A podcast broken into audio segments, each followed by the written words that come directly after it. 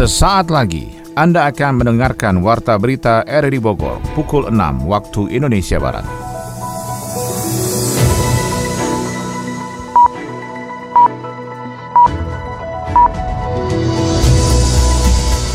Selamat pagi dan salam jumpa. Kembali kami menyapa Anda dalam Warta Berita di edisi pagi ini, Selasa 27 Juli 2021. Anda bisa mendengarkan di aplikasi RRI Play dengan audio streaming di perangkat smartphone Anda dan bisa Anda dengarkan lewat radio Tegar Beriman Kabupaten Bogor. Berikut kami sampaikan berita utama tentang pemerintah yang memastikan kesediaan obat COVID-19 produksi dalam negeri hingga September 2021. Pemberlakuan ganjil genap di hari kerja Kota Bogor karena dianggap efektif mencegah mobilitas masyarakat. Keberhasilan kita menghadapi pandemi COVID-19 ini sangat bergantung pada peran serta masyarakat. Warga Kabupaten Bogor yang telah divaksin mencapai 664 ribu jiwa atau lebih dari 50 persen dari total target 1,2 juta warga. Kalau 1,2 ya, dan 1,22 50 persen lebih. Targetnya 56 ribu. Bersama saya Molanis Narto, inilah Warta Berita selengkapnya.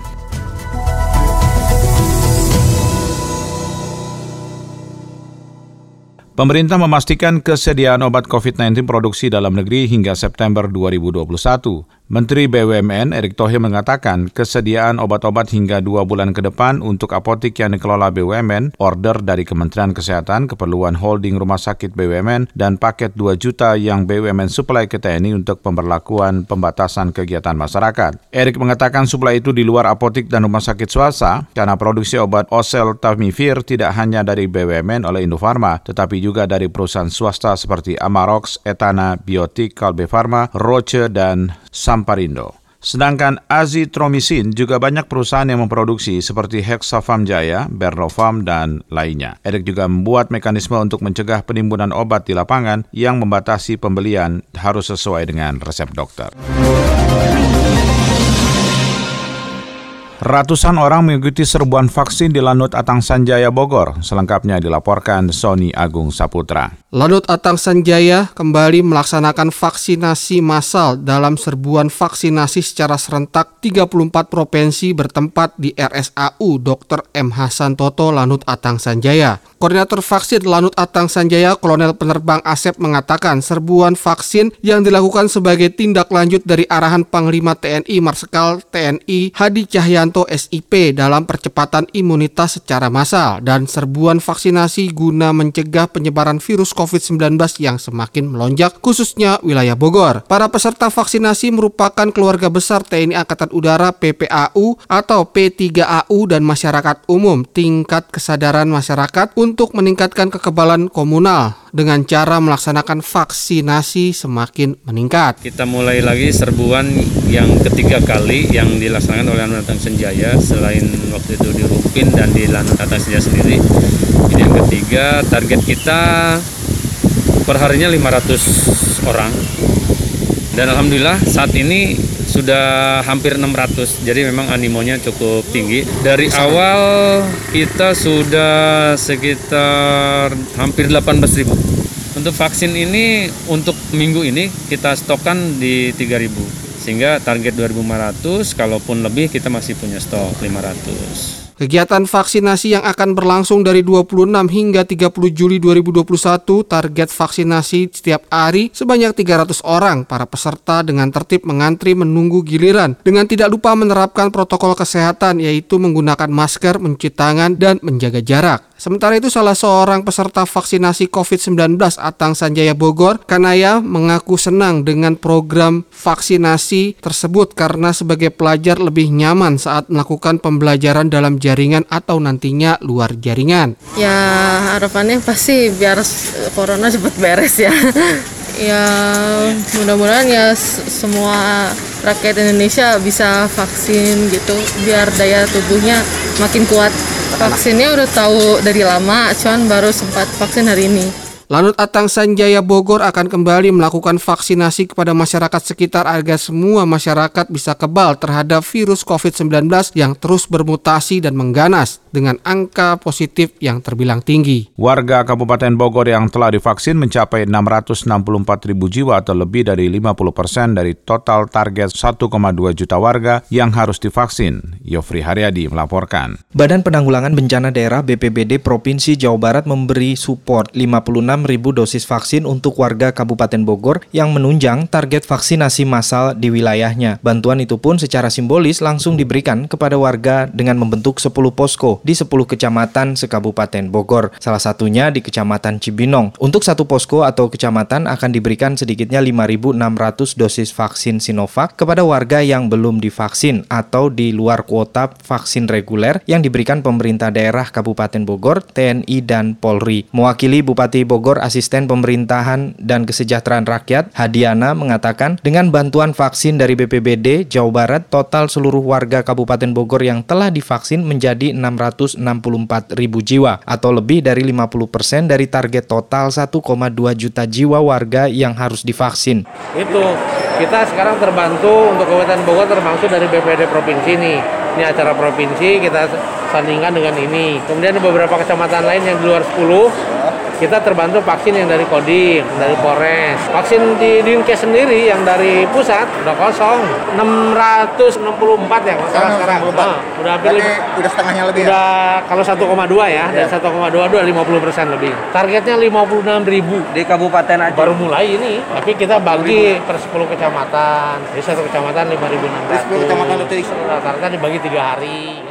Dalam kegiatan vaksin di halaman kantor Kecamatan Cibinong tidak hanya warga Cibinong saja, namun beberapa yang diikut sertakan dalam program vaksin tersebut adalah para pedagang di Pasar Cibinong, Cirimekar, dan Cikema. Camat Cibinong, Rusliandi mengungkapkan dari 420 ribu warganya, sudah 40 ribu warga divaksin COVID-19. Adanya bantuan ketersediaan vaksin di luar pemerintah Kabupaten Bogor, Polres, dan Kodim juga menambah prosentase warga Kecamatan Cibinong untuk terbentuk imunitas massal. Mengingat angka pandemik dan terpapar COVID untuk Cibinong tertinggi di Kabupaten Bogor. 2000 Apa sih nama Pak? Sinovac. Jadi ini vaksin kedua. Ada yang pedagang dari pasar Cirimekar, ada warga juga yang dari Puskesmas Pabuaran.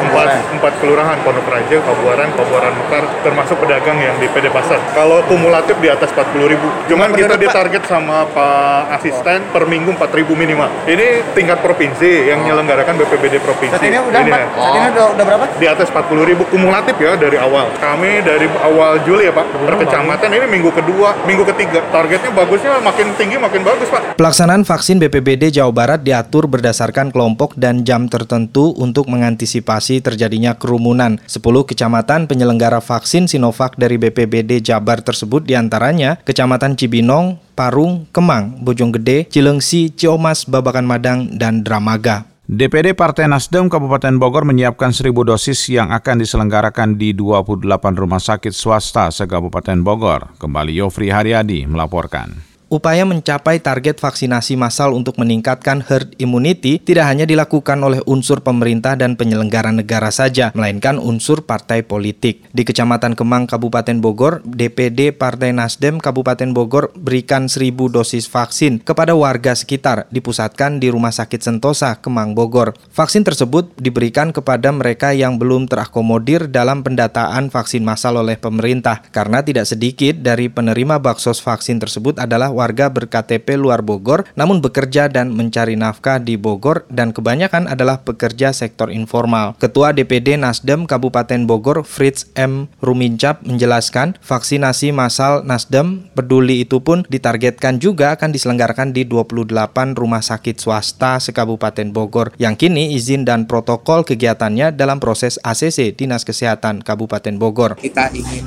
coba apa yang saya lihat selama tiga hari animo masyarakat sangat tinggi.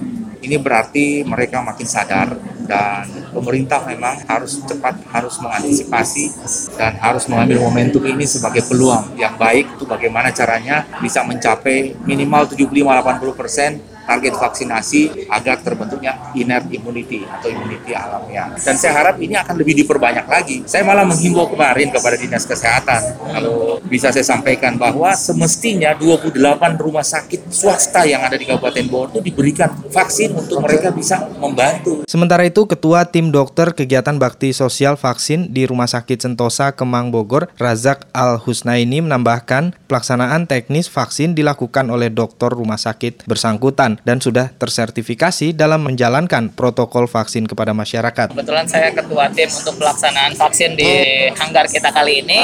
Kebetulan kita Rumah Sakit Sentosa itu bekerja sama dengan Nasdem mendapatkan stok sebanyak 1000 unit atau 1000 dosis yang akan kita sebarkan untuk masyarakat umum. Target kita adalah masyarakat umum luas tanpa memandang KTP dia di mana saja. Anda punya elektronik KTP, silakan datang ke hanggar. Pelaksanaan ini sudah kita laksanakan selama tiga hari. Mulai itu pertama di hari Jumat, kemudian hari Sabtu, serta hari Senin ini hari puncaknya atau hari ketiga. Total yang sudah kita laksanakan atau kita layani masyarakat itu adalah sebanyak kemarin itu terakhir di 670 sekian. Artinya sekarang kita tinggal 300 lagi melihat antusiasmenya hari ini, insya Allah dapat kita seribu. Kegiatan vaksinasi massal itu pun mendapat apresiasi dari masyarakat. Kegiatan dilakukan dalam waktu tiga hari. Sebelumnya, peserta juga mendaftar melalui online dan untuk warga desa Pondok Udi Kemang disediakan 200 ampul vaksin tanpa daftar online terlebih dahulu.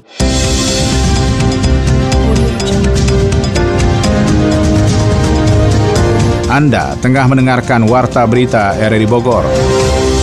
Wali Kota Bogor Bima Arya mengatakan pemberlakuan ganjil genap di hari kerja karena efektif mencegah mobilitas masyarakat. Berikut laporan Sony Agung Saputra. Penanganan keberlanjutan PPKM level 4 yang sudah diumumkan oleh Presiden Joko Widodo langsung disambut oleh kebijakan teknis lapangan oleh Forum Komunikasi Pimpinan Daerah Kota Bogor. Selama PPKM level 4 periode kemarin program ganjil genap kendaraan bermotor berlangsung pada hari akhir pekan namun pada perpanjangan ini program tersebut diterapkan pada hari kerja. Kapolresta Bogor Kota Kombes Pol Susatyo Purnomo Condro mengungkapkan dalam program ganjil genap itu pihaknya tidak melarang aktivitas, hanya mengatur arus mobilitas masyarakat agar tidak berkumpul dan berkerumun. Ganjil genap dilakukan pada 17 titik penyekatan selama 24 jam.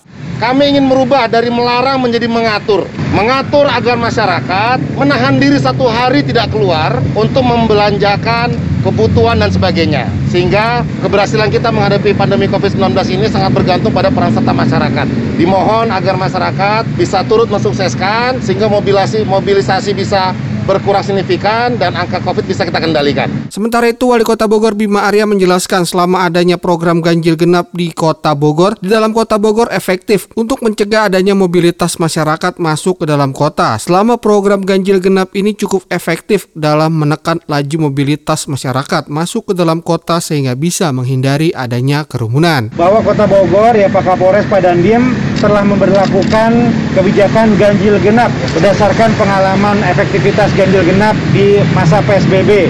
Dan selama tiga hari ini kami mengevaluasi bahwa kebijakan ganjil genap ini berjalan dengan baik, mengurangi mobilitas.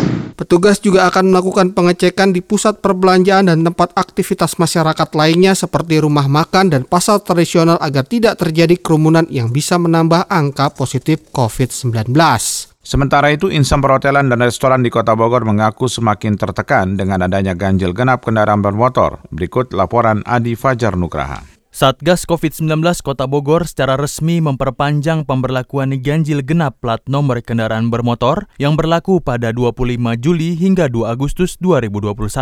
Kebijakan ganjil genap yang saat ini berlaku selama 24 jam itu menjadi tekanan besar bagi dunia perhotelan dan restoran di Kota Bogor. Ketua PHRI Kota Bogor Yuno Abeta Lahai mengungkapkan, selama masa PPKM darurat hingga kini, insan perhotelan dan restoran terdampak sangat signifikan dengan menurunnya okupansi perhotelan perhotelan mencapai di bawah 10 persen. Terlebih di sektor restoran menurutnya, pemerintah perlu menerapkan keadilan secara merata antara tempat makan restoran dan non-restoran, khususnya soal penerapan makan di tempat bagi pengunjung. Hotel sih kita sekarang tidak terlalu masalah. Yang penting kita fokusnya adalah di Gagela. Jangan hambat tamu kita juga untuk tetap bisa memilih kita sebagai tempat akomodasi. Artinya kan tetap ada need akan kebutuhan kamar. Itu concern orang hotel. Yang lebih kasihan itu adalah orang-orang restoran. Ini kan aneh. Warung makan diperbolehkan diperbolehkan meskipun dibatasi 20 menit. Tapi restoran enggak, enggak boleh dine in, tetap hanya take away dan delivery. Balik lagi, kalau kayak begini caranya, ini apa tujuannya? Penanganan kesehatan oke. Okay. Ya kalau lu mau bicara adil, adil dong. Tapi kan ini lu jadi cari keputusan populis. Yuno berharap pemerintah Kota Bogor dapat lebih peka merespon masukan dari insan perhotelan dan restoran dengan memperlakukan kebijakan yang melihat kearifan lokal pada PPKM level 4 kali ini. Menurutnya, kebijakan yang diterapkan kali ini, khususnya penerapan ganjil genap, menjadi tekanan besar bagi dunia perhotelan dan restoran. Yang paling gue sayangkan lagi itu adalah kita nih sebagai pelaku usaha dengan konferensi pers kemarin Presiden menyatakan PPKM ini dilanjut, tapi ada istilah diatur lebih lanjut oleh pemerintah daerah. Kan harapan kita sebagai seorang pengusaha adalah pemerintah daerah bisa menjembatani keputusan pusat itu ke kitanya tuh jauh lebih soft dong, jauh lebih nyaman ke kitanya dan menggunakan benar-benar yang namanya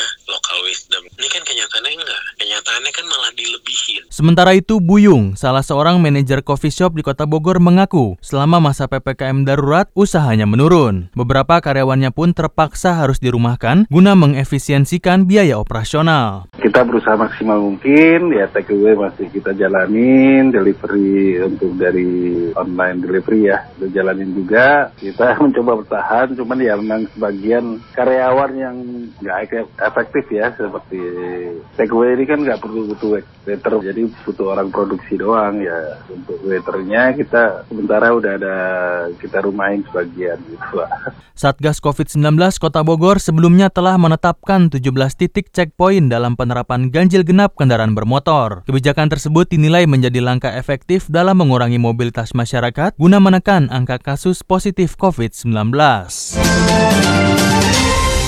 Informasi lainnya soal warga desa Lewi Malang, Kecamatan Cisarua, Kabupaten Bogor gembira dengan terbukanya jalan buntu yang menghubungkan 3 RT dan 2 RW di lingkungannya. Jalan buntu atau terputus oleh bentangan alam tersambung berkat program 1 miliar satu desa Bupati Ade Yasin. Kepala Desa Lewi Malang, Kecamatan Cisarua, Yaya Nuriana mengatakan sebelumnya Desa Lewi Malang Cisarua adalah desa tertinggal, namun berkat gotong royong warga kini menjadi desa maju. Ada tiga ini, ada Tumaritis itu Bali, kemudian uh, Gumbira, Jalan Gumbira, Sirna Rasa, tiga RT, dua RW. Tadinya buntu, sekarang tembus. Apa kendaraan motor uh, buntu, sekarang kendaraan mobil bisa masuk. Per kapitannya naik ya. Kebetulan kan dulu saya desa tertinggal ya waktu menjabat pertama. Sekarang kita desa maju. Tidak hanya Lewi Malang, ratusan desa lainnya di Kabupaten Bogor juga mendapat bagian dalam program Samisade dengan prinsip padat karya. Tidak hanya meningkatkan aksesibilitas warga, Samisade juga memberi mereka pekerjaan di tengah gelombang PHK. Wih, sepatu baru nih. Yoi dong, yang dipakai Messi nih. Sepatu lu juga keren tuh, Bro. Yoi dong, Ronaldo punya nih, Bro. Eh, eh tapi lihat tuh sepatu si Marcel. Sepatu apa itu, Bro? Merek lokal, Bro, buatan Indonesia ini mah. Elah, gaji gede, duit banyak, masih aja pakai buatan lokal. Nyirit apa pelit, Bro?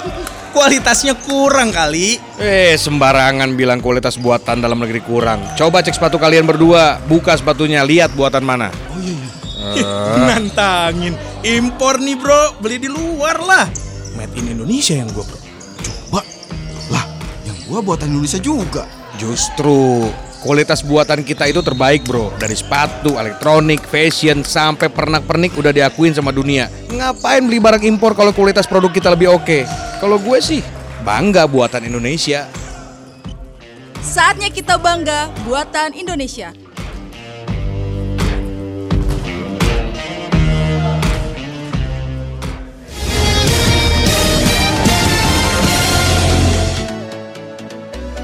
Dari dunia olahraga, hasil pertandingan Olimpiade Tokyo Jepang di antaranya mengenai keberhasilan ganda putra Indonesia The Minions yang belum terhentikan di laga kedua penyisian grup A. Selengkapnya disampaikan Ermelinda. Langkah ganda putra Kevin Sanjaya dan Marcus Fernaldi Gideon untuk lolos dari fase penyisihan di grup A di Olimpiade Tokyo 2020 belum terhentikan setelah mengamankan kemenangan kedua pada hari Senin. Pasangan peringkat satu dunia tersebut menundukkan wakil India Satwika Sirat dan juga Chirag Seti dengan dua game langsung 21-13, 21-12 dalam pertandingan selama 32 menit. Pada pertandingan terakhir di fase penyisihan grup A ganda putra Selasa, Kevin dan Marcus akan meladeni pasangan asal Taiwan Yang Li dan Chilin Wang. Sebelumnya ganda campuran Indonesia Praven Jordan dan Melati dipaksa takluk oleh pasangan wakil tuan rumah Olimpiade Tokyo 2020 Yuta Watanabe dan Arisa Higashino pada laga penyisihan terakhir grup C. Dalam pertandingan berlangsung di lapangan 1 Musashino Forest Sport Plaza Tokyo, Jepang pada hari Senin, Praven dan Melati yang menempati peringkat keempat dunia tersebut takluk dalam dua game berdurasi 30 menit dengan skor 13-20 21-10-21. Hasil pertandingan tersebut menjadi satu-satunya kekalahan bagi Praven dan Melati selama fase penyisian grup C Olimpiade Tokyo 2020. Dari tiga laga penyisian, Praven dan Melati mengantongi dua kemenangan yaitu atas pasangan Australia yaitu Simon Wing dan Gronya Somerville dan atas wakil Denmark Matthias Christiansen dan Alexandra Boje. Atlet Jepang Momiji Nishiyama menjadi salah satu juara Olimpiade nomor persorangan paling muda sepanjang masa ketika menggondol medali emas skateboarding putri dalam usia 13 tahun 330 hari Senin kemarin. Nisha finish mengungguli atlet Brazil Raisha yang juga masih muda 13 tahun 203 hari yang harus puas mendapatkan medali perak. Sedangkan atlet Jepang lainnya Funa Nakayama yang berusia 16 tahun merebut medali perunggu. Nisha menjadi bintang dalam bagian trik untuk mencetak skor 15-26 dan sekaligus membuat tuan rumah menyapu medali emas dari nomor street dari cabang olahraga yang baru di Tokyo 2020 ini dilombakan dalam Olimpiade. Penampilan Nishia mengulangi penampilan cemerlang rekan senegaranya dari bagian putra yaitu Yuto Horigome yang menjuarai street putra dengan trik mengagumkan sehari sebelumnya. Perenang Australia Ariarne Titmus mengalahkan salah satu perenang Olimpiade yang meraih emas dalam lima Olimpiade Katie Ledecky dari Amerika Serikat untuk merebut medali emas dalam final gaya bebas 400 meter putri yang menegangkan pada hari Senin. Ledecky sudah menjadi kekuatan dominan renang putri tetapi dalam pertandingan pertama dari tiga pertemuan head-to-head -head dengan Titmus dalam Olimpiade Tokyo ini, perenang Australia lah yang menang setelah menjadi yang tercepat pada nomor ini. Perenang Amerika Serikat tersebut unggul 0,66 detik pada separuh jarak lomba, tetapi Titmus menutup celah tersebut menjadi 0,16 detik pada balikan 300 meter dan menyalip untuk memimpin pada meter ke 350 dan tidak pernah lagi tersusul. Medali perunggu untuk nomor ini jatuh ke tangan perenang Cina yaitu Li Bingji.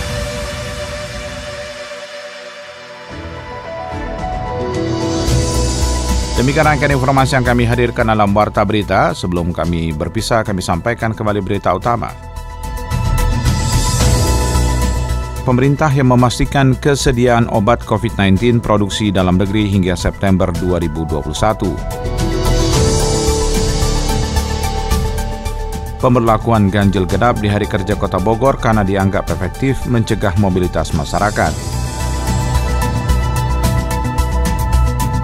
Warga Kabupaten Bogor yang telah divaksin mencapai 664 ribu jiwa atau lebih dari 50 persen dari total target 1,2 juta warga.